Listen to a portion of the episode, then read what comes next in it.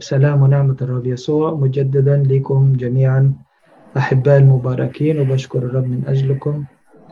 سعيد أن أكون موجود معاكم للمرة الثانية في المؤتمر ده. حتى وكان إن كان أونلاين لكن المسيح بيجمعنا في وحدة واحدة بطريقة عجيبة جدا. والعجيب إن هو زمان قال كده إذا اجتمع اثنان أو ثلاثة باسمي. فهناك أكون في وسطهم. وإحنا مجتمعين باسمه. وحتى وإن كنا في أماكن متفرقة إلا أنه هو في وسطنا بروح القدوس. موضوعنا النهاردة بنعمة الرب ليكن نور وهو امتداد للخدمة اللي فاتت علشان نشوف أحيانا الصورة الخارجية هي بتتعبنا. ونفقد الأمل في النور وبنشوف بس الضلمة لأنه بكون بتكون الضلمة ربما هي الكذابة اللي عاملة إن هي مسيطرة على الموقف واللي متشافة لكن بعيون الإيمان في رؤية أخرى مهما كانت السحابة فالشمس موجودة وراء السحابة آجلا أم عاجلا هيكون في ضوء هيكون في نور والعتمة حتزول ليكن نور قالها الرب يسوع. مش بس في الخليقة لا لما قال أنتوا نور وأنا نور وانتوا بتستمدوا النور مني أنا. فكان هو النور اللي جه والنور بتاع المسيح لا يمكن بأي حال من الأحوال أن الضلمة تنتصر عليه لأنه هو منبع النور وأصله. لكن بيبقى المشكلة فينا إحنا شايفين بأي عين. ناس كانت في عصر المسيح ما كانتش شايفاه بل بالعكس ده في ناس اعتبرته مجدف لما كان بيخرج الشياطين. وقالوا ده ببعل زبول رئيس الشياطين يخرج الشياطين. فإذا ما كانتش المشكلة في النور كانت المشكلة في العيون اللي بتشوف. وأخوي بيتر من شوية ذكر آه لما الرب يسوع جه ولقى التلاميذ مش عارفين يطلعوا الروح النجس اللي كان على الغلام دول كانوا نازلين من جبل التجلي. وفي جبل التجلي كل اللي عمله المسيح إنه سمح لعيونهم انها تشوف قبس من سناة اللي أصلا موجود. دي طبيعة المسيح. مفيش شيء جديد جد عليه. وجهه نور كالشمس ده أصله هو كده. كل اللي حصل إنه سمح لعيونهم إنها تشوف شيء من هذه الحقيقة. زي تلميذي عمواس ما هو كان أخفى عن أعينهم الأمر هو اللي مسيطر هو السلطان. كان ممكن يسيبهم يعرفوه من أول لحظة لكن هو اللي سيطر على الموقف. وهنا في جبل التجلي هو سمح لعيونهم يا بختيهم إنها تشوف قبس من هذا المجد. وقبلها قال لهم إن قوم من اللي هنا مش هيموتوا حتى يروا ابن الإنسان في مجده. وبعد ست أيام خدهم على الجبل. فتحقق هذا الأمر في التلاميذ. موضوعنا النهارده عن الضلمة وإزاي النور موجود بس مين اللي هيرفع عينه علشان يشوف النور؟ خلينا نشوف مع بعض الوحي المقدس في الجزء اللي موجود في ميخا ونقراه مع بعض. ده هيكون موضوعنا النهارده أحبائي. ميخا سبعة من سبعة لعشرة ليكن نور. يقول الوحي المقدس على لسان النبي ميخا ولكنني أراقب الرب أصبر لإلهي خلاصي يسمعني إلهي. لا تشمتي بي عدوتي. هنا الضلمة هي موجودة. إذا سقطت أقوم. إذا جلست في الظلمة فالرب نور لي. أحتمل غضب الرب لأني أخطأت إليه. حتى يقيم دعواي ويجري حقي. سيخرجني إلى النور. سأنظر بره وترى عدوتي فيغطيها الخزي. القائل لي أين هو الرب إلهك؟ عيناي ستنظران إليها. الآن تصير للدوس كطين الأزقة والسبح لله دائما أبديا. آمين. الحقيقة نحن هناخد الجزئية دي آية آية. بل واحيانا هناخد جزء من الآية خطوة خطوة. وأنا أخذت إذن إن أنا أخذ راحتي. فما فيش وقت. يعني الأحباء اللي في الخدمة المسؤولين قالوا لي لا ما ما ما تشيلش هم خد راحتك. فخلينا وإحنا قاعدين في بيوتنا ما عندناش أي ربما مسؤوليات لا هنروح البيت ولا عندنا أي يعني موجودين في البيت. خلينا نتمتع أكثر وقت ممكن بكلمة ربنا. ناخذها إذا جزئية جزئية نروح للآية الأولى. زي ما أنتم شايفين قدامكم كده. ولكنني أراقب الرب. أصبر لإلهي خلاصي. بصوا أحبائي. الحالة التاريخية اللي كان فيها الشعب سواد. بمعنى الكلمة الشعب ضايع. ملهي في عبادة الأوثان في أهوائه الشخصية. والدنيا بجد ضلمة جدا. ولكن هناك بقية تقية. بالمناسبة البقية التقية دي هي اللي في كل جيل بيعول عليها الرب الإله. ده اللي عليها التركيز البقية التقية. لو رحتوا الأيام نوح هتلاقوا بقية اللي دخلوا الفلك. في أيام حسقيال لو قريتوا أصحاح تسعة هتلاقوا في بقية. يقول له كده وسمسمة على جباه الرجال الذين يئنون. في وسط شعب في بقية. ودائما في كل جيل في بقية هي تقية أمينة للرب شايفة في أوضاع كثيرة خطأ ومش موافقة عليها لكن ما عندهاش قوة تنفيذية اللي تمنع أي شيء. لكن قوتهم في الرؤية الروحية بتاعتهم. فهنا بيقول إيه هو؟ بيقول أراقب الرب. عارفين لما يكون في بلد عليها حصار زمان الأسوار بيكون في رقيب الرقيب ده بيقعد في برج عالي كده وبيبص من بعيد وبيشوف الحرب اللي دايرة برا مين اللي جاي. لو جاي واحد منهم بيشوفوه من بعيد بخبرتهم يعرفوه هل هو مبشر سلام ولا هو هارب من الحرب. فهنا الرقيب هو البقية التقية بيتكلم النبي ميخا على لسانهم زي الرقيب تماما في المدينة المحاصرة.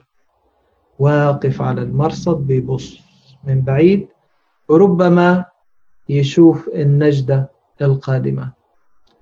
ولو رأى فعلا مخلص آت أو بشرى آتية مهما كان التعب مهما كان خلاص في آخر رمق حيتحلى بالصبر ليه؟ لأنه في أمل في رجاء. مهما كانت الدنيا ضلمة برا. الصورة المنقولة هنا هي دي تماما بناخد الصورة التاريخية على الوضع الروحي تماما بتاعنا إحنا. ربما يكون البعض منا من الأحباء اللي بيسمعوني دلوقتي هم شايفين ضلمة. ربما بسبب الأمور اللي حادثة في العالم. ربما واحد بيسمعني فاقد شغله ربما عنده ظروف أخرى. كلنا مختلفين عن بعضنا لكن بتبقى المحصلة اللي أنا بتكلم عنها عن كل دول محصلة واحدة هي شايف ضلمة. فالنهاردة أنا بشجعك. بقول لك لو سمحت قم وانهض وانتفض وبص صح شوف صح. هتلاقي ايد ربنا تقدر تغير كل شيء في لحظة. وإن بقي الأمر كذلك النور جواك ده اللي هيديك السلام وهيديك السعادة مش المنظر اللي برا. كانوا ملوك عايشين وكان المنظر اللي برا حلو وسلام وفرح. وفي لحظة واحد من الملوك شاف إيد بتكتب على الحائط. وما عرفش يقرأ. وجاب دانيال النبي وقال له كده وزنت بالموازين فوجدت ناقصا. رغم كل الجودة والفرح والسعادة والحفلات رغم كل شيء. وملك ومش أي ملك ده تحتيه ممالك كثيرة جدا كان مسيطر عليها. النور ما فيش في الداخل يبقى الإنسان فاضي. الأهم في الأمر هنا مش بس في نجدة ولا لا؟ لا صدقوني. الأهم من كده النجدة جاية من مين؟ النجدة هنا سماوية. عشان كده بيقول أراقب الرب. خلينا نكمل. أصبر والإله خلاصي يسمعني إلهي. فهنا بتشوف إنه آه لما بيكون في هو اشتكى في الأول إنه ما فيش عزاء لما تقروا الأصحاح. ما فيش عزاء من أقرب الناس ولا في ثقة في أقرب الناس. فبالتالي الخبرة دي خليته يرفع عينه في المكان الصح. وجه عينه يراقب النجدة من إله السماء. فوجد إيه؟ خبرته قالت له إيه؟ بيسمعني. أروع شيء إنك توصل لهذه النتيجة. إنك دموعك ما بتنزلش في الأرض. الدموع التي في محضر الله تصعد إلى السماء. صدقوني كرائحة بخور. قربان ذبيحة. ربما البعض يشوف أنا الوقت طول أنا لي سنين بتكلم ليا وليا. ربما أحيانا الطلب اللي أنت بتطلبه بيتأخر عشان الرب يقول لك أنت أهم من الطلب بتاعك. أنت فين؟ حياتك الروحية رايحة لفين؟ أنت أهم من الطلب عشان كده شايف كل حاجة ضلمة عشان الطلب بتاعك مش متحقق. ماذا ينتفع الإنسان لو ربح العالم كله لكن خسر نفسه؟ ربنا بيجذبنا بحبال البشر كتير بيطول علينا ويستخدم طلبنا اللي إحنا عايزينه وجارين وراه علشان يقول لي أنت أهم من الطلب. تعال أنت وأنا الطلب ده أنا هديهولك بكل سهولة. وأكتر منه أكتر مما تتخيل أو تتصور. علشان كده الحتة دي ركزوا عليها. أصبروا لإله خلاصي. ويمكن الخدمة اللي فاتت لما اتسألت عن ال ال إيه الإنسان لما يكون شايف ضلمة وفي تعب وقلنا الملخص انتظر الرب. تقوى وليتشدد قلبك. فاكرين الكلام ده. هنا أصبروا لإله خلاص. ليه أصبر؟ ده بيسمعني. بيسمعني وعارف الوجيعة بتاعتي كويس. في الظلمة دي وفي الحالة الصعبة اللي فيها الإنسان هتلاقي اللي يشمت عدو الخير. يشمت للحالة المزرية اللي بتوصلني ليها الخطية. وطبعا في جزء التاريخي اللي بيتكلم عنه النبي ميخا. خلينا نشوفه مع بعض كده. لا تشمتي بي عدوتي. إذا سقطت أقوم. فمين هي عدوته هنا؟ في في في ال الرؤية التاريخية الناس بتبص فقط إن هي نينوى بابل أشور العدو اللي مقاوم اللي مسيطر. لكن مين اللي جاب نينوى وبابل وأشور؟ الخطية. يعني ما تدورش على النتيجة دور على الأساس. بالمناسبة كل تأديبات أو عقوبات العهد القديم من حروب أو كوارث طبيعية. أو آآ آآ أو بيئة وأمراض وأشياء زي كده. لن تجدوا ولا مرة ولا مرة ولا مرة واحدة إلا وتقف وراءها الخطية مطلق كلام مطلق. الخطية بيقف من وراها الشيطان.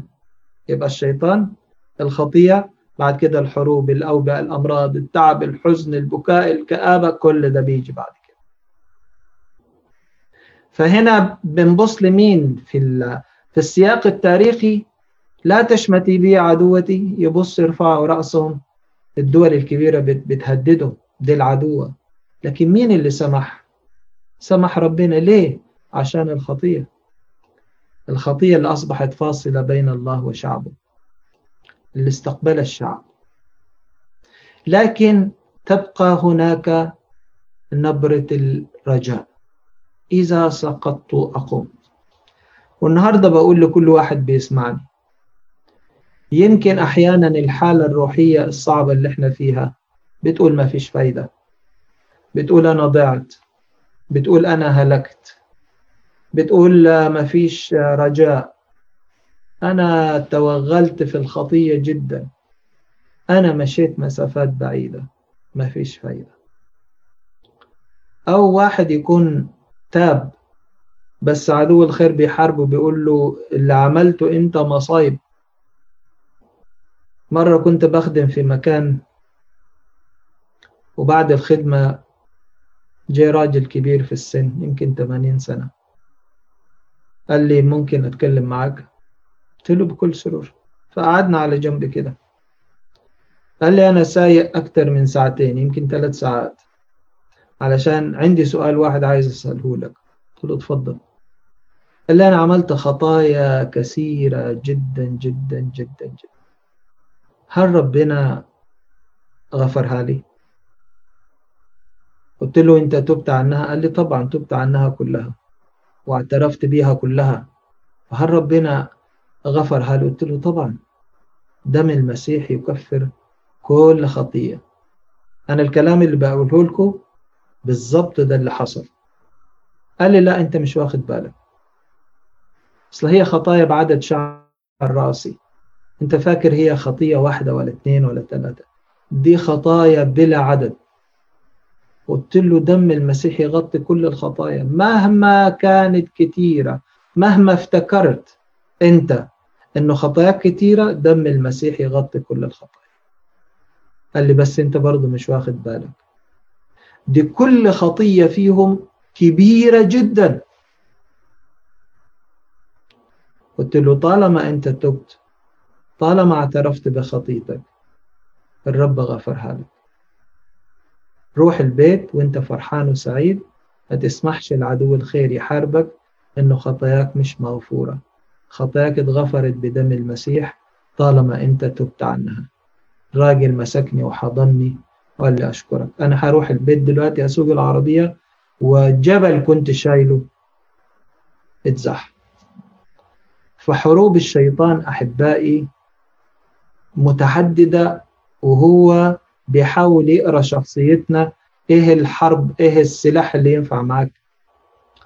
لكن هنا في نبرة رجاء. إذا سقطت مش هقعد ساقط لا أقوم.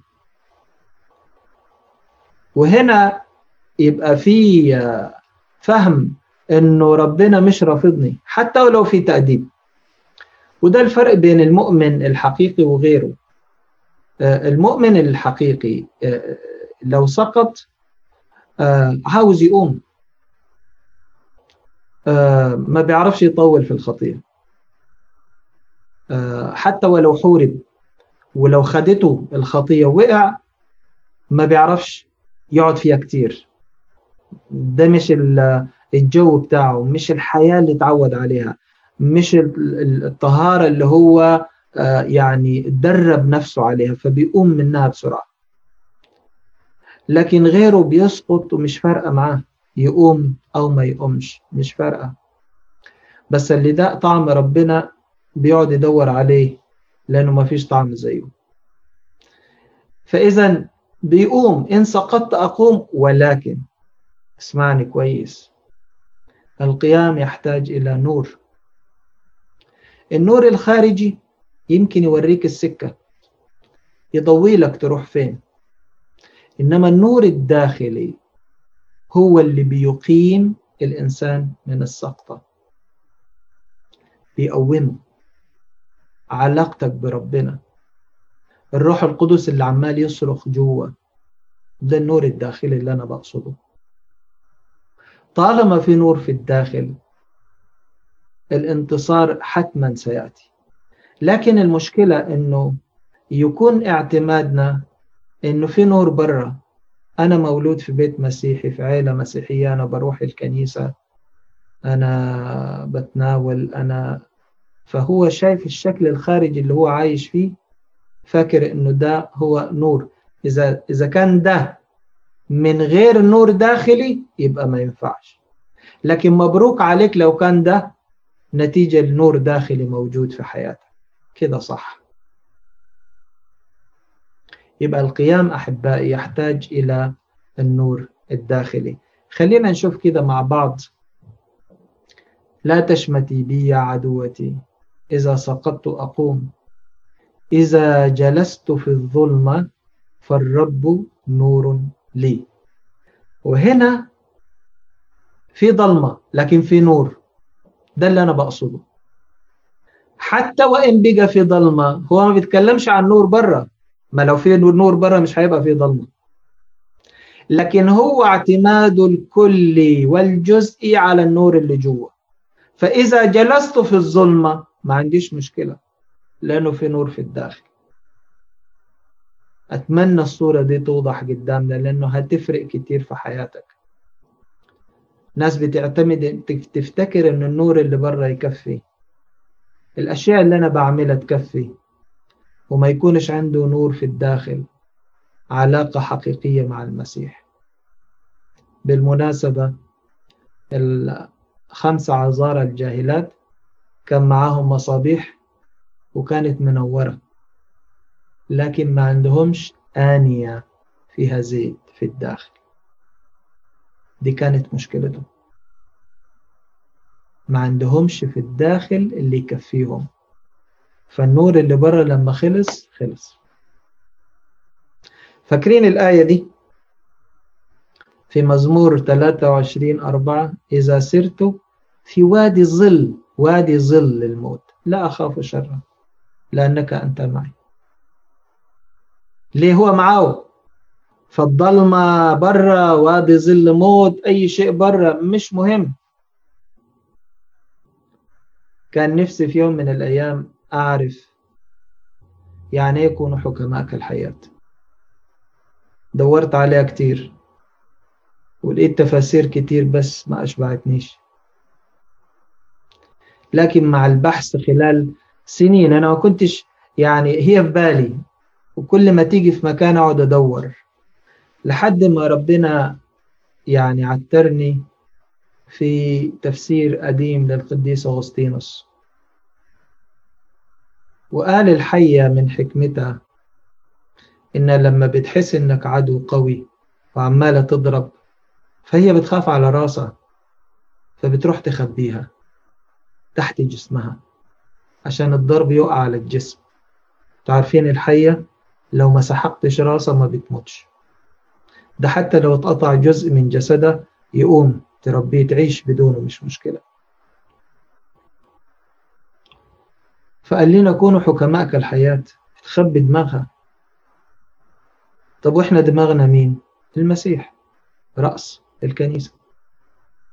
فلما تيجي الضربات والاضطهادات من برا بتحامي عليه كده بتخبيه. يقع الاضطهاد على الجسم على الجسد ما يهمش. طالما الإيمان متخبي ما تعرفش توصل تضربه مش هنكر المسيح. فطالما الضرب بيقع على الجسد الراس حي الإيمان حي. طالما في نور في الداخل ما يهمش الضرب اللي برا. دي الفكرة اللي حبيت أعمل مقابلة بينها وبين كونوا حكماء كالحياة فهنا إذا سرت في وادي ظل الموت طب ده وادي بس إيه؟ ظل للموت مش موت. لا أخاف شرا. أصلك أنت معايا جوايا. يبقى يبقى خدمة النهاردة زي ما أنت شايف هي فكرتها إيه؟ فكرتها بين المنظر اللي بره وإزاي تغلبه بالنور اللي جواك؟ ياما ناس فقدوا سلامهم ولو فقدت سلامك هتتعب لأنه ما فيش أغلى من السلام. والسلام ده في الداخل. ياما ناس فقدوا سلامهم عشان المنظر اللي بره منظر صعب فقدوا سلامهم. لكن لما يكون النور وأنا شبعان بالنور ما يهمش. بعد كده أي شيء يحصل بره. خلاص أنا مسلم ومتكل على ربنا. فكل الأشياء تعمل معا للخير للذين يحبون الله. عفوا. خلينا نشوف بعد كده في الثقة آه، بيوجه كلامه للأعداء الشامتين بأن الرب نوره. حتى لو كان ما زال في الضلمة.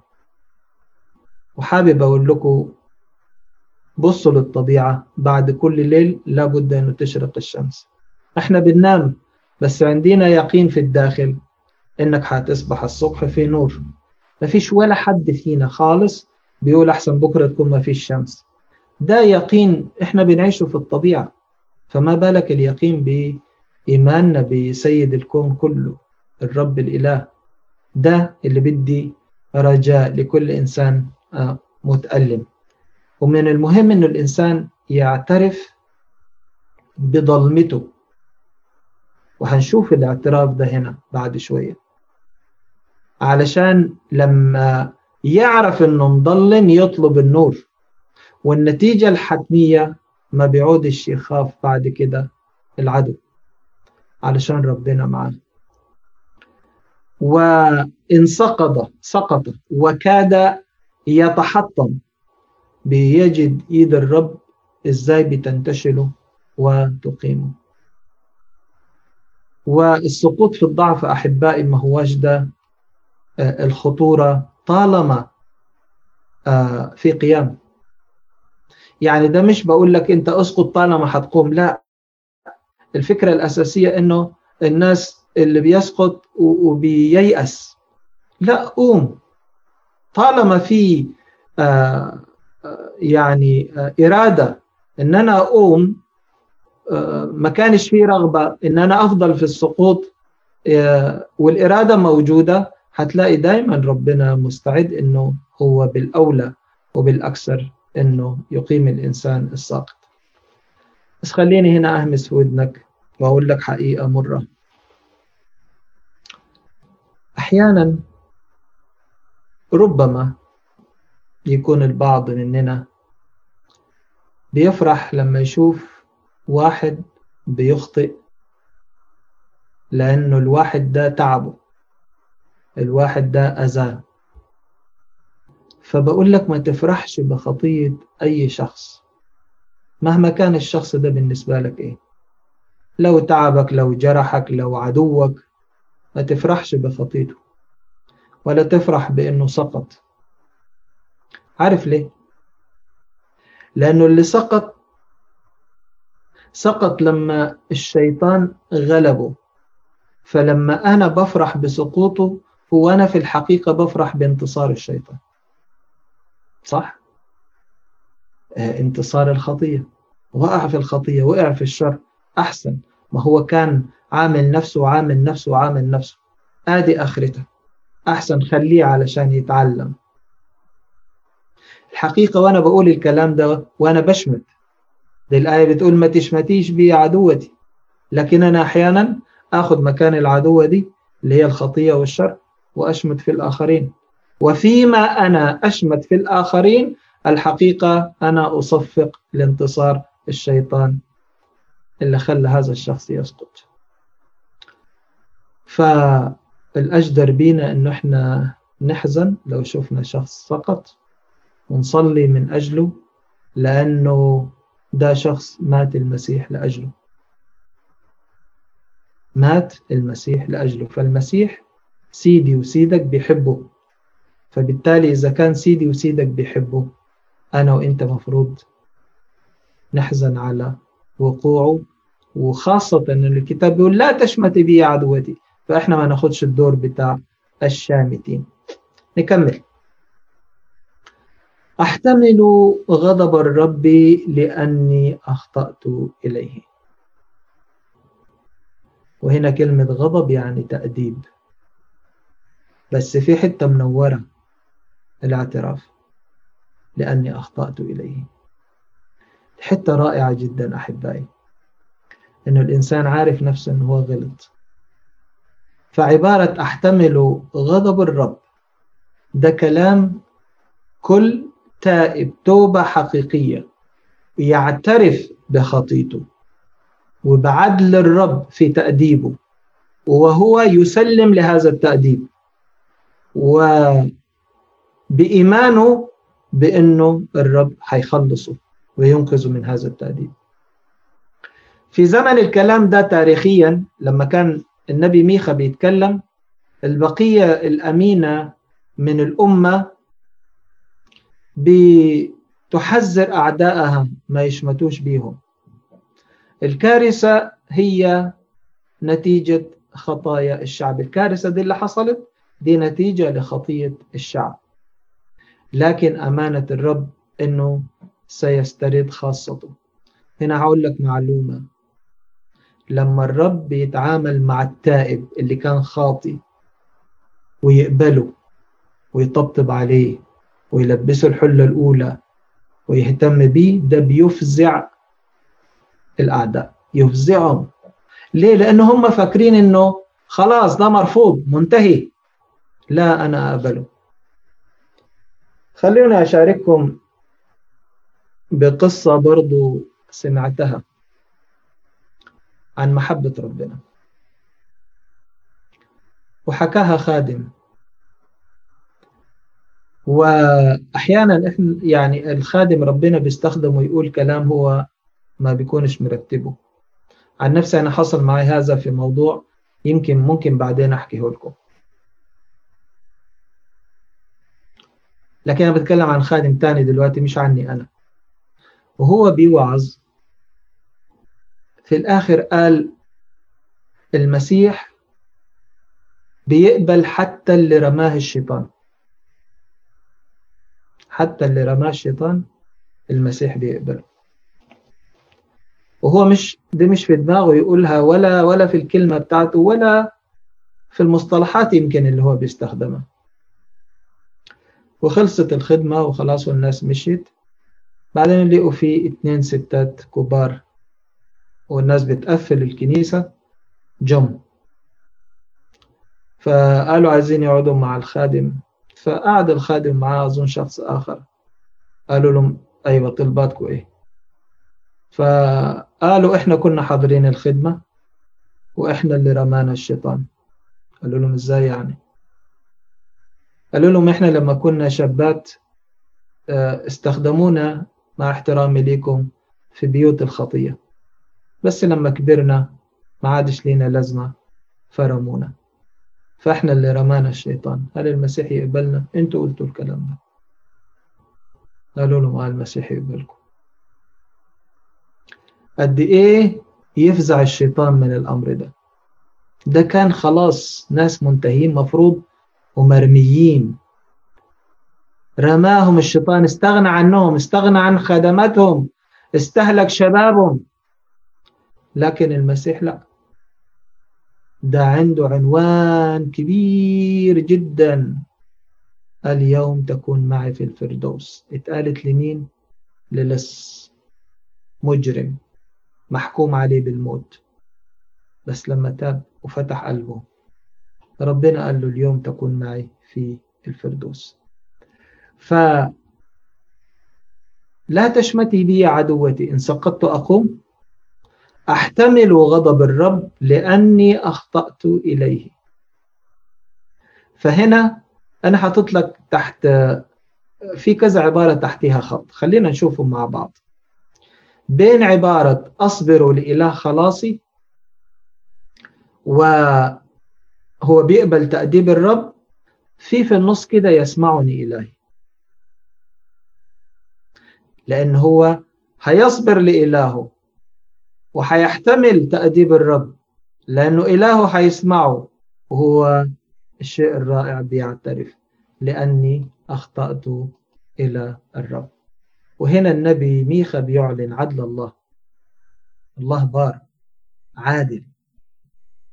فما بيلقيش اللوم ميخا والبقية التقية على الظروف المحيطة بهم ولا على الله اللي سمح بالضيقة وإنما يتقبل تأديب الرب بصبر علشان هو بيعترف ده عادل إله عادل إله بار. دي النتيجة الطبيعية للخطية بتاعتي لأني أخطأت إليه. أحبائي المباركين اللي بتسمعوني لو في واحد عليه تأديب النهاردة احتمل التأديب. احتمل التأديب وتقبله من يد الرب لأنه بقد ما أنت تحتمله بقد ما الفترة تكون قصيرة وتطلع من الفترة دي. بلاش للتذمر وبلاش للتمرد ونقبل تأديب الرب بفرح. بفرح هيفرق في حياتك الروحية وهيفرق في المرحلة اللي أنت فيها. خلينا نكمل هنا. بيقول إيه؟ بيقول لأني أخطأت إليه حتى يقيم دعواي ويجري حقي. سيخرجني إلى النور سأنظر بره. وهنا بيتكلم عن يخرجني إلى النور الضلمة بتاعت الخطية اللي عايش فيها الشعب. هنطلع للنور. طبعا النور النور اللي جوه لما يشع جوه هو هيشوف كل حاجة. وكأنه واحد كان في ضلمة وطلع لبرا للنور. إذا هذا الرجاء به نحتمل التأديب. غضب الرب هنا معناه التأديب. وده مش هيحصل إلا لو تأكدت أنا إن أنا فعلا خاطي أخطأت والنهاردة أنا بتوب وبقدم توبة بعترف بخطيتي أمامك يا رب. فده لو حصل يكون في رجاء في انتظار قدرة على الصبر. وبالتالي الرجاء الموجود هو يجري حقي يخرج حقي إلى النور. إن سرت زي ما قلنا من شوية في آه، وادي ظل الموت لا أخاف شرا. هو سيخرجني من ليل الضيق من ليل الألم من ليل التأديب. هشوف بره بره يعني عدله. هيجري الأمر تماما. في تأديب لكن في إيه؟ في بر. هشوف الرب وهشوف البر والعدل بتاعه. وخليني أقول إنه قبول تأديب الرب معناه إن أنا أسلك باستقامة. ولو سلكت باستقامة وإنت في مرحلة التأديب الرب يدافع عن استقامتك. يحوط حولك يحميك. عشان كده بيقول يسترني ببره. يحفظني الرب بنعمته الإلهية. روح التمييز مهمة جدا يا إخوة. النبي هنا مش شايف في الضيق رفض الرب ليه أو للشعب بل رغبته الإلهية في تحريضه على التوبة دفعه للتوبة تمتع بالشركة معاه. يعني أحيانا واحد يبص للضيقة والتعب أنه رفض من الله بالعكس الضيقة الألم والتعب هو هو دفع الله لهذه المجموعة أو لهذا الشعب. أنه قوم زي ما شفنا المرة اللي فاتت قوم استنيري. مهم أن الإنسان يشعر بحاجته ليد الله العاملة. التسليم الكامل مهم جدا يا أخوة. التسليم الكامل إنك أنت أمرين. أمر الأول إنك تكون دايما مستعد لعمل الروح القدس فيك. ما فيش أي معطل يعطل الروح القدس لما يجي عشان يشتغل فيك ما يكونش في أي معطل. والأمر الثاني كل الأشياء كل الأشياء كل الأشياء كل الأشياء تعمل معا للخير. ده أنت كده بالحاجتين دول تكون أنت فعلا مسلم للرب. خلينا نكمل. وترى عدوتي فيغطيها الخزي. الله تعبير جميل جدا. ليه يغطيها الخزي؟ أصلا كانت بتقول لي إيه؟ القائلة لي أين هو الرب إلهك؟ فين إلهك؟ يعني الخطية عدوتي أو اللي بيقف من وراها الشيطان لما بيشوفني أنا في الذل وفي. وفي التأديب. بيقول له فين إلهك؟ مش أنت اللي قاعد تقول إلهي إلهي فينه؟ أنت مرفوض وهو سايبك. وهنا عاوز أطول شوية في الحتة دي وركزوا معايا لو سمحت. أصله فين إلهك دي؟ اتقالت كذا مرة وفي كذا موقف. فأنا هشارككم بموقف شوية طويل بعدين أشارك بموقف تاني اتقالت فين. بص معايا كده في إشعياء هتلاقي في 36 اقروا النهاردة لو تحبوا 36 و 37 لما حوط الأشوريين حوطوا أورشليم. وبعدين بعتوا كان في وقتها الملك حزاقية هو الملك. فبقوا يكلموا الناس من على السور عشان يعملوا ثورة في الداخل على الملك ويفتحوا الأبواب. فقالوا لهم كده لا يغركم يغركم حزاقية قائلا الرب ينقذنا. وبعدين بيقول إيه؟ هل أنقذ آلهة الأمم كل واحد أرضه من يد ملك أشور؟ ما أنتم شايفين قدامكم. شايفين ال ال الأمم اللي إحنا ضربناها قبل ما نوصل ليكم كلها عندها آلهة. أي إله ده اللي أنقذ شعبه من إيد ملك أشور. فأنتوا زي البقية. يقولوا إيه بعد كده؟ أين آلهة حماة وأرفاد؟ أين آلهة سفر وايم؟ هل أنقذوا السامرة من يدي؟ كل دول أنا ضربتهم. من من كل آلهة هذه الأراضي أنقذ أرضهم من يدي؟ حتى علشان ينقذ الرب أورشليم من يدي. ما إلهكم زي دول.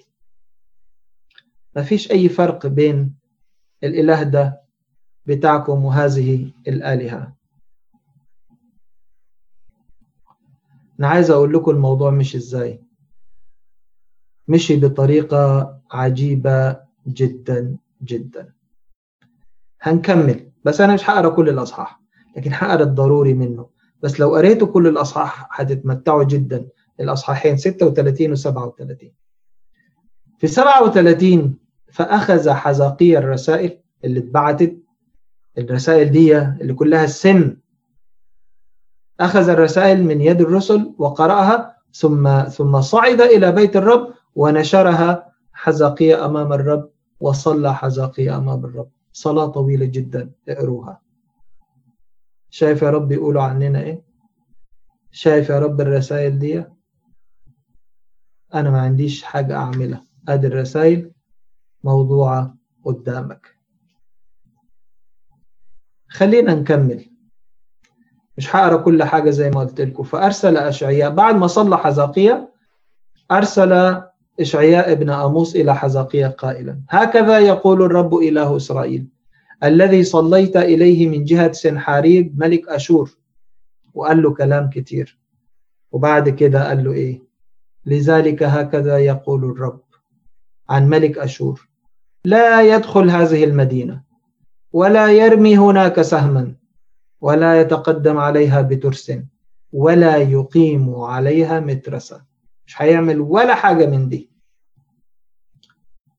أصلي إن كل سهام الشرير الملتهبة تسقط خائرة ويحوطنا ربنا بنور سياج من نور. سياج من نار ملتهبة. كل سهام إبليس تسقط بعيدة خائرة. شوف هنا بيقول له إيه؟ لا يرمي هناك سهما. أشكرك يا رب. الرب بيحامي عن شعبه وبيحامي عن أرضه. وبعد كده اسمع الكلام بقى الصعب. في الطريق الذي جاء فيه يرجع. وإلى هذه المدينة لا يدخل يقول الرب. وبعد كده وأحامي عن هذه المدينة لأخلصها من أجل نفسي ومن أجل داود عبدي. أصل داود هو أول واحد خد أورشليم عاصمة أول واحد في ملوك إسرائيل. وعلشان حياة داود مع ربنا ربنا وعده إنه من صلبك ومن نسلك يكون في جالس على كرسيك. شوف ربنا بيقول من أجل نفسي مع أورشليم مدينة الملك العظيم. وكمان من أجل داود عبدي. يعني ربنا بيعمل خاطر لينا. بس برضو لو بصيت بروح النبوة داود هو المسيح. طبعا داود هو داود. بس داود هنا بيشير إلى المسيح ابن داود بالجسد. بس شوف الكلام اللي قدامك. فين إلهك؟ فين إلهي؟ أنا هوريك بقى فين إلهي. وبعد كده حصل إيه؟ حصل أمر لحد النهارده المؤرخين مش عارفين يحلوه إزاي. حصل إيه بقى؟ فخرج ملاك الرب وضرب من جيش أشور مئة وخمسة, وخمسة وثمانين ألفا. ضرب من جيش أشور مية خمسة وثمانين ألف. يقول لك الكتاب فلما بكروا صباحا إذ هم جميعا جثث ميتة. فالمؤرخين مش عارفين مش عايزين يقولوا ربنا. بس بيقول لك مثلا ممكن يكون وباء ضرب الجيش. بس ما فيش وباء بينتقل في يوم وليلة. عشان عشان يموت 185 ألف أنت عاوز في حدود ثلاث أسابيع عشان الوباء ينتقل من واحد للآخر من مجموعة لمجموعة. إنما في ليلة كده يصحوا الصبح يكون 185 ألف ميت مش ممكن. خجلانين يقولوا ملاك الرب مش عاوزين يقولوها. بس دي الحقيقة اللي بيقولها الكتاب المقدس. اسمع الكلام الصعب بعد كده. فانصرف سنحاريب ملك أشور وذهب راجعا وأقام في نينوى وفيما هو ساجد. في بيت النسروخ إلهه. أنت بتقول له إلهي مش هيحميني؟ طب خلينا نشوف إلهك. ضربه أدر ملك وشرآصر ابناه بالسيف. ونجوا إلى أرض أرارات وملك آسر حدون ابنه عوضا عنه. يبقى القائلة لي شوفوا تحت كده أنا سايبة ظاهرة أهي. أين هو الرب إلهك؟ تتقال لك أنت. ما تتقالش لينا إحنا. إحنا الرب إلهنا هو دافع عننا. وأنت رجعت للبلد بتاعتك وأنت وبتسجد في بيت إلهك ما عرفش يحميك. يبقى الكلام ده يتقال لك أصلا الكلمة دي ما اتكتبتش كده يا إخوة. كان ممكن الوحي المقدس يقول لنا ابناه ضرباه بالسيف وخلاص. لكن لما يحدد لينا فين الضرب بالسيف يقول لك كده في بيت إلهه ضربوا أولاده. يبقى ولا إلهك ما عرفش. يحميك. فما بتتقالش لينا إحنا. الحرب الروحية دي يا إخوة الآية اللي تحت دي أين هو الرب إلهك؟ خلينا أقول لك بتتقال لينا لحد النهاردة. إذا كان من ناس أو يوسوس بها عدو الخير في فكرنا لما بنكون تحت الضغط تحت الألم تحت التجربة وربما أحيانا يحطها على لساننا ونقول لربنا فينك يا رب؟ ما هي هي؟ أين الرب إلهك؟ فينك يا رب؟ هي. بس كل اللي حصل إن أنا قلتها. أنت مش شايفني يا رب. أنا شايفك وعارفك وعارف كل حاجة. بس لو تأديب أنا سمحت بيه. قوم. انتفض. وثق تماما إنه التأديب ده يتشال. أنا ح... أنا سمحت بيه بس علشان أنت تفوق وترجع. خليني أقول لك الموضوع ده قديم إزاي. آه الحرب دي قديمة جدا الحرب الروحية اللي بتقول فين إلهك. وأنا هقرأ لك كده بسرعة. آه مزمور 42 شوف معايا كده. كما يشتاق الإيل إلى جداول المياه هكذا تشتاق نفسي إليك يا الله. عطشت نفسي إلى الله إلى الإله الحي. متى أجيء وأتراءى قدام الله؟ صارت لي دموعي خبزا نهارا وليلا. آه ليه؟ ليه نهارا وليلا؟ دموعه هي الخبز اللي بيقتاد به. علشان بيقولوا له الكلمة دي. إذ قيل لي كل يوم أين إلهك؟ أصله في ألم في تعب في تجربة. هو تحت الضغط دلوقتي. أوعك أوعك تندر صوم وأنا ضد الندر أصلا يعني أو حتى تقول أنا هصوم لما تكون شبعان. لو سمحت. أوعى تتكلم عن احتمالك للتعب والألم وأنت مرتاح وقاعد في راحة. الكلام بيكون ساعتها سهل لما تكون عايز تصوم قرر إنك عايز تصوم وانت في أوقات الجوع الصعبة ساعتها يكون القرار إلى حد كبير صائب. إنك تحتمل من أجل المسيح قول أنا أحتمل باسمك يا رب وبمشيئتك وبمعونتك بس لما تكون فعلا عايش ألم وتجربة. وتشكر عليها ربنا. لأنه ياما ناس بيتكلموا لكن لما بيجي اللحظة والمحك قد إيه بيكتشفوا إنه الموضوع مش سهل. فهنا وهو تحت التجربة والألم ما تلوموش. لأنه هو بيصرخ وبيقول فينك يا رب؟ غلط غلط. بس أنا مش هشمت بيه. ولا حادينه ولا هقول له إزاي بتقول كده. بس ممكن أنور قدامه بكلمة الكتاب المقدس وأقول له انتظر الرب. تشدد ليتشجع قلبك. انتظر الرب. ربنا موجود. شوف بقى هو كمل. أنا مش هحط كل المزمور. أقول لله صخرتي لماذا نسيتني؟ لماذا أذهب حزينا من مضايقة العدو؟ بسحق في عظامي عيرني مضايقية بقولهم لي كل يوم أين إلهك؟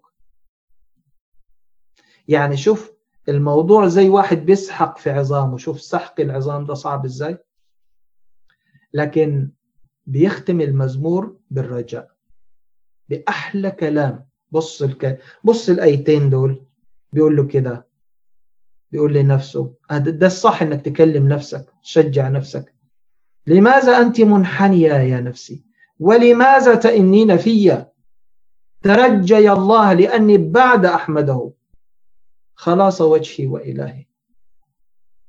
أحبائي المباركين ما تستناش بس لما تاخذ كلام تعزية من آخرين. كلام التعزية في الكتاب المقدس وفي قلبك وفكرك وضميرك. لازم تتكلم مع نفسك لازم ما تسمحش لأي فكرة آه، سلبية تجيلك إنك تصدقها. لماذا أنت مكتئبة يا نفسي؟ ولماذا أنت قلقة؟ لماذا تئنين في؟ ترجي الله فإني سأظل أحمده لأنه عوني لأنه إلهي. قول الكلام ده لنفسك تشجع ما تستناش أي تشجيع فقط من الخارج قد يأتي أو قد لا يأتي. قبل القيامة في قبر يا إخوة. قبر ظلمة. بس كان في قيامة في نور. والناس اللي في النفق ثق تماما إنه بعيد كده لو بصيت صح هتلاقي في نور بصيص نور في رجاء. خلينا نكمل آخر آية مع ميخا. نرجع لميخا إحنا وقفنا هنا وترى عدوتي فيغطيها الخزي. زي ما شفنا ملك أشور. القائل لي أين هو الرب إلهك؟ بص كده بيقول إيه؟ عيناي ستنظران إليها. الآن تصير للدوس كطين الأزقة. إيش معنى اختار طين الأزقة؟ مش أي طين يعني؟ لأنه الأزقة تعرفين الأزقة اللي هو الزقاق اللي هو الحارة الضيقة.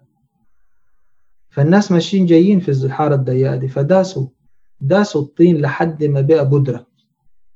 عارفين لما يكون ما فيش مطر تلقاه كده غبرة. الناس لو مشت عليه يمسك في رجليهم من كتر ما هو مسحوق.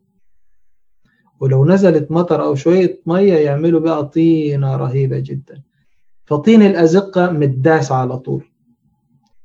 واختار الأزقة عشان دايما هو متداس مش بس كأنه مطحون لا هو دايما تحت الأقدام. فهنا برضو في صورة حلوة أنا حابب أشارككم بيها. الوضع التاريخي هو خلاص من الأعداء لكن الوضع الروحي هو خلاص أعظم. هو الخلاص من الخطية من الشر من الموت الأبدي. والدوس مش مجرد الفكرة دوس جسدي لكن إزاي الإنسان يدوس على الخطية تعرفوا الآية الحلوة اللي بتقول النفس الشبعانة تدوس العسل؟ صدقوني دي حقيقة. مش بس على مستوى الفعل إن الواحد لما يكون شبعان لو جابوا له حاجة حلوة يعني لكن دي حقيقة. نفس الشبعانة بالمسيح تدوس عسل العالم فعلا. كمالة الآية وللنفس الجوعة كل مر حلو. العكس بقى. النفس الجعانة واحد أحيانا يكون جعان فيأكل يقول لك الأكل حلو. هو مش حلو يمكن بس هو جعان. فليه الأكل حلو. فهنا بنشوف آه، النفس لما تشبع والمسيح يقيم التائب فيدوس على الخطية يبص كده ويتألم ويقول إزاي أنا كنت عايش الحالة دي؟ آه بدري كان بيقول لها لا تشمتي بي عدوتي.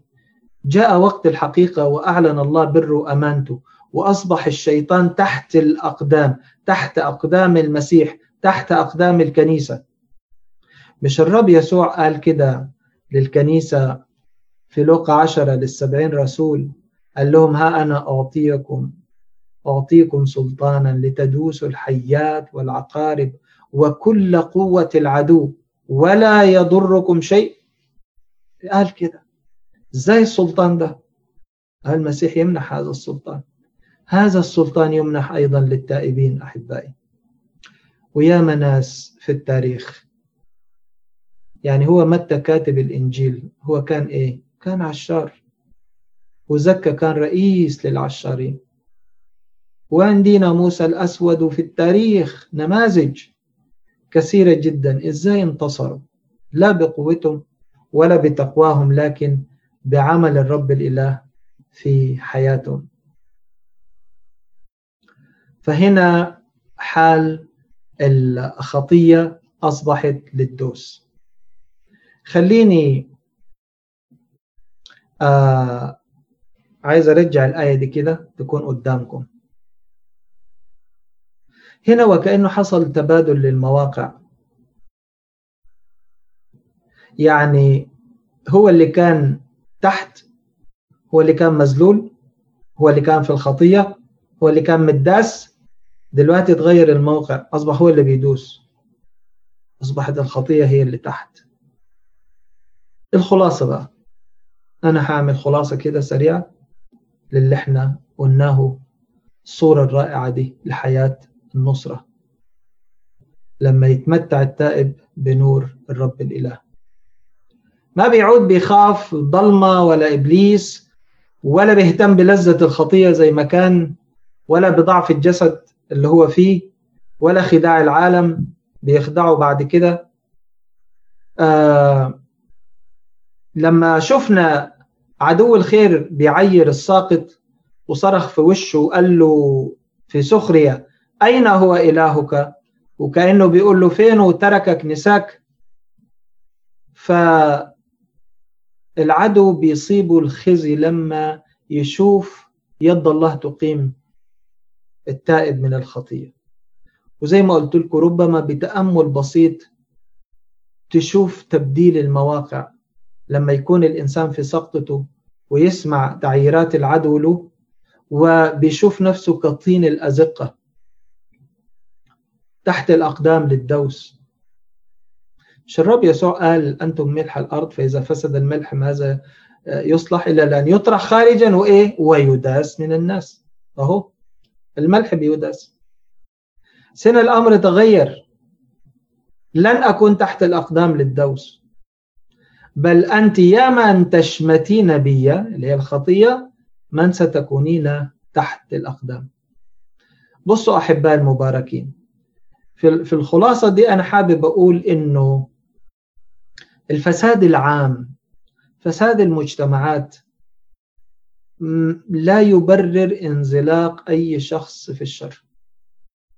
حتى لو ما فيش إنسان واحد مستقيم بين الناس بنشوف هنا ميخا بيتطلع مع بقية تقية في الشعب بيتطلعوا إلى الرب وبيترقبوا الخلاص منه. وحتما نوره سيشرق. والصورة مهما كانت ضلمة لكن أمام أولاد ربنا بيعرفوا يحولوا عيونهم فين؟ زي ما بيقول الكتاب رفعت عيني إلى الجبال من حيث يأتي عوني. بيرفعوا نظرهم دايما لربنا. إله المستحيلات. ليس من رجاء للخلاص إلا في الله وحده. وأسألكم سؤال كلكم عارفين إجابته. العالم النهاردة آه، بيفتخر بإنجازاته. وهي على المستوى البشري هي فعلا إنجازات إنجازات آه، مذهلة عبقرية في التكنولوجيا في التقدم في الاختراعات. لكن هل يستطيع العالم بكل القدرات بتاعته دي إنه يبرر إنسان واحد من الخطية؟ ما يعرفش. بكل قدراته إنه يدخل إنسان للسماء ما يقدرش. ده شغل تاني مختلف تماما وقدرات أخرى ما يمتلكهاش العالم. فالمخلص بس هو المسيح. الكتاب بيقول ليس بأحد غيره الخلاص لأنه ليس اسم آخر تحت السماء قد أعطي بين الناس. به ينبغي أن نخلص. فعيوننا بتتجه للمخلص. وشفنا بمجرد أن اعترف الإنسان بشره وفساده بينفتح باب الرجاء عمل الله الفائق. الله كمحب للبشر في غضبه. إنما غضب تأديب على الخطية. هو لا يطيق الخطية لكن بالنسبة للخاطي هو ينتظر ويحب الخطاة. أكل وشرب معاهم. علشان كده التوبة الصادقة تميل أذنا الرب ليسمع الأنين ويستجيب.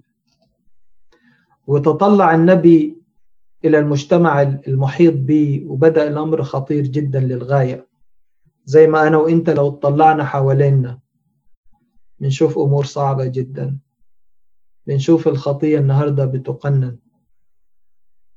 شوف الإجهاض إزاي الأجنة تقتل في بطون الأمهات. إزاي الخطية المثلية ده كله كله النهاردة بيطلع وبيعلن نفسه. وكأنه أصبح العالم مريض لا يرجى شفاؤه. وعلى البقية التقية إنها ترفع عينها لربنا وتصلي. عشان نشوف أبواب الرجاء المشرقة أمامنا. وده يخلينا نسبح يخلينا نرنم. يخلينا نعيش بفرح. والكآبة الخارجية دي لا تنتقل إلى الداخل. خلينا أقول لكم سمة بتحصل حتى مع المؤمنين حتى مع الأتقياء. لو اتشغلت كتير بالأحزان اللي في العالم وأديت من وقتك ساعة واثنين يوميا عشان تقرأ هنا وتقرأ هنا وتسمع هنا وتسمع هنا تيجي آخر الوقت تلاقي نفسك مكتئب حزين.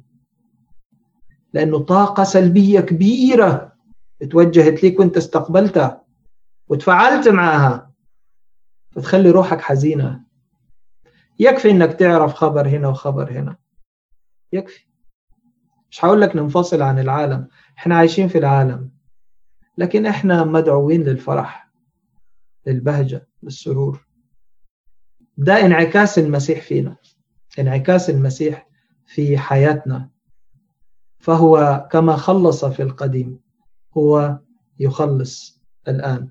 خلص ويخلص وسيخلص. أنا حختم ب آه ما ختم به ميخا هذا الأصحاح. عشان تشوفوا الصورة السوداء دي إزاي وصلت لحد إنه يصير للدوس الخطية اللي كانت بتشمت.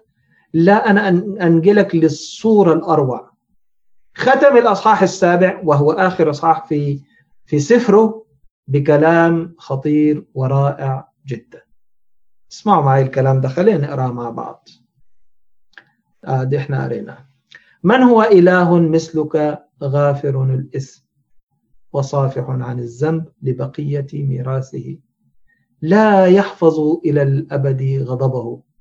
فإنه اسمع الكلام ده كويس يسر بالرأفة. يعني إيه يسر بالرأفة؟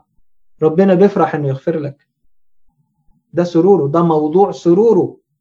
وعشان كده بعت الرحمة للأرض شخص مبارك يسوع عشان يعمل إيه؟ عشان يغفر ويسامح ويخلص ويخلق خليقة جديدة. خلي بالك اعمل بحث كده وشوف إيه اللي بيسبب فرح الرب. هتلاقي أشياء بسيطة ومعينة جدا. دي ضمن الأشياء اللي تقف تاج كبير كده في علاقتنا بربنا يقول لك أنا بفرح لما أرأف عليك. تخيلوا طبيعة الله. وبعد كده يقول إيه؟ يعود يرحمنا يدوس أثامنا. كل الكتيرة دي؟ آه إحنا تبنا خلاص. وتطرح في أعماق البحر. جميع خطاياهم. مش هتتشاف بعد كده.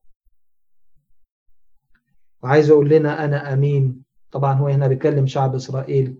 تصنع الأمانة ليعقوب والرأفة لإبراهيم. اللتين حلفت لآبائنا منذ أيام القدم. من زمان الرب حلف. أعطى بقسم هذه الرحمة. ترجعوا لتكوين 22 تلاقوا القسم مع إبراهيم. وكل ده مخزون في شخص المسيح هو عطية العطايا. شوف رغم الصورة السوداء إلا أنه ميخا قبل ما يحصل حاجة هو كتب الكلام ده والشعب لسه في خطيته بس برؤية الإيمان بعين النبوة شاف أنه الإله العظيم هيغفر يصفح ويطرح في البحر كل الخطايا وهو إله يسر بالرأفة خلينا أقول لكم أحبائي المباركين أنا خلصت. أنا عايز النهاردة أشجعك وأقول لك الحالة اللي إحنا فيها ما بتحددش عمل الله معنا فاكرين مرسى قالت إيه للرب يسوع؟ مرسى أخت العذر قالت له لو كنت ها هنا لم يمت أخي. غلط كبير وقعت فيه. طيب أهو مات أخوك وأنا هنا ما أعرفش أعمل حاجة؟ فحجمت المسيح في حتة معينة إنه هو حي تقدر تتعامل مع المرض لكن للأسف يا خسارة هو مات مش هتعرف تعمل حاجة. صدقوني أحيانا بنعمل زي مرسى وأكتر. ونقول يا هذه اتعقدت ما فيش ليها حل. لو كان قبل كده كان ممكن بس دلوقتي ما فيش حل. لا في حل. دايما ربنا عنده حلول لا تخطر على بالنا.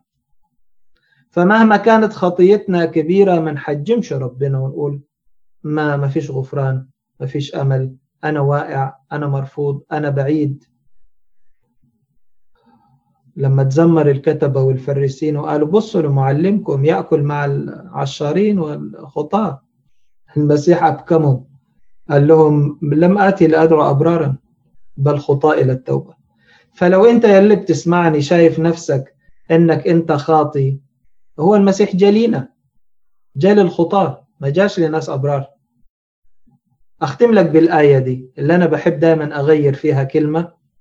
عشان أوريك مدى النعمة اللي إحنا فيها وأرجع الكلمة الصح مرة تانية.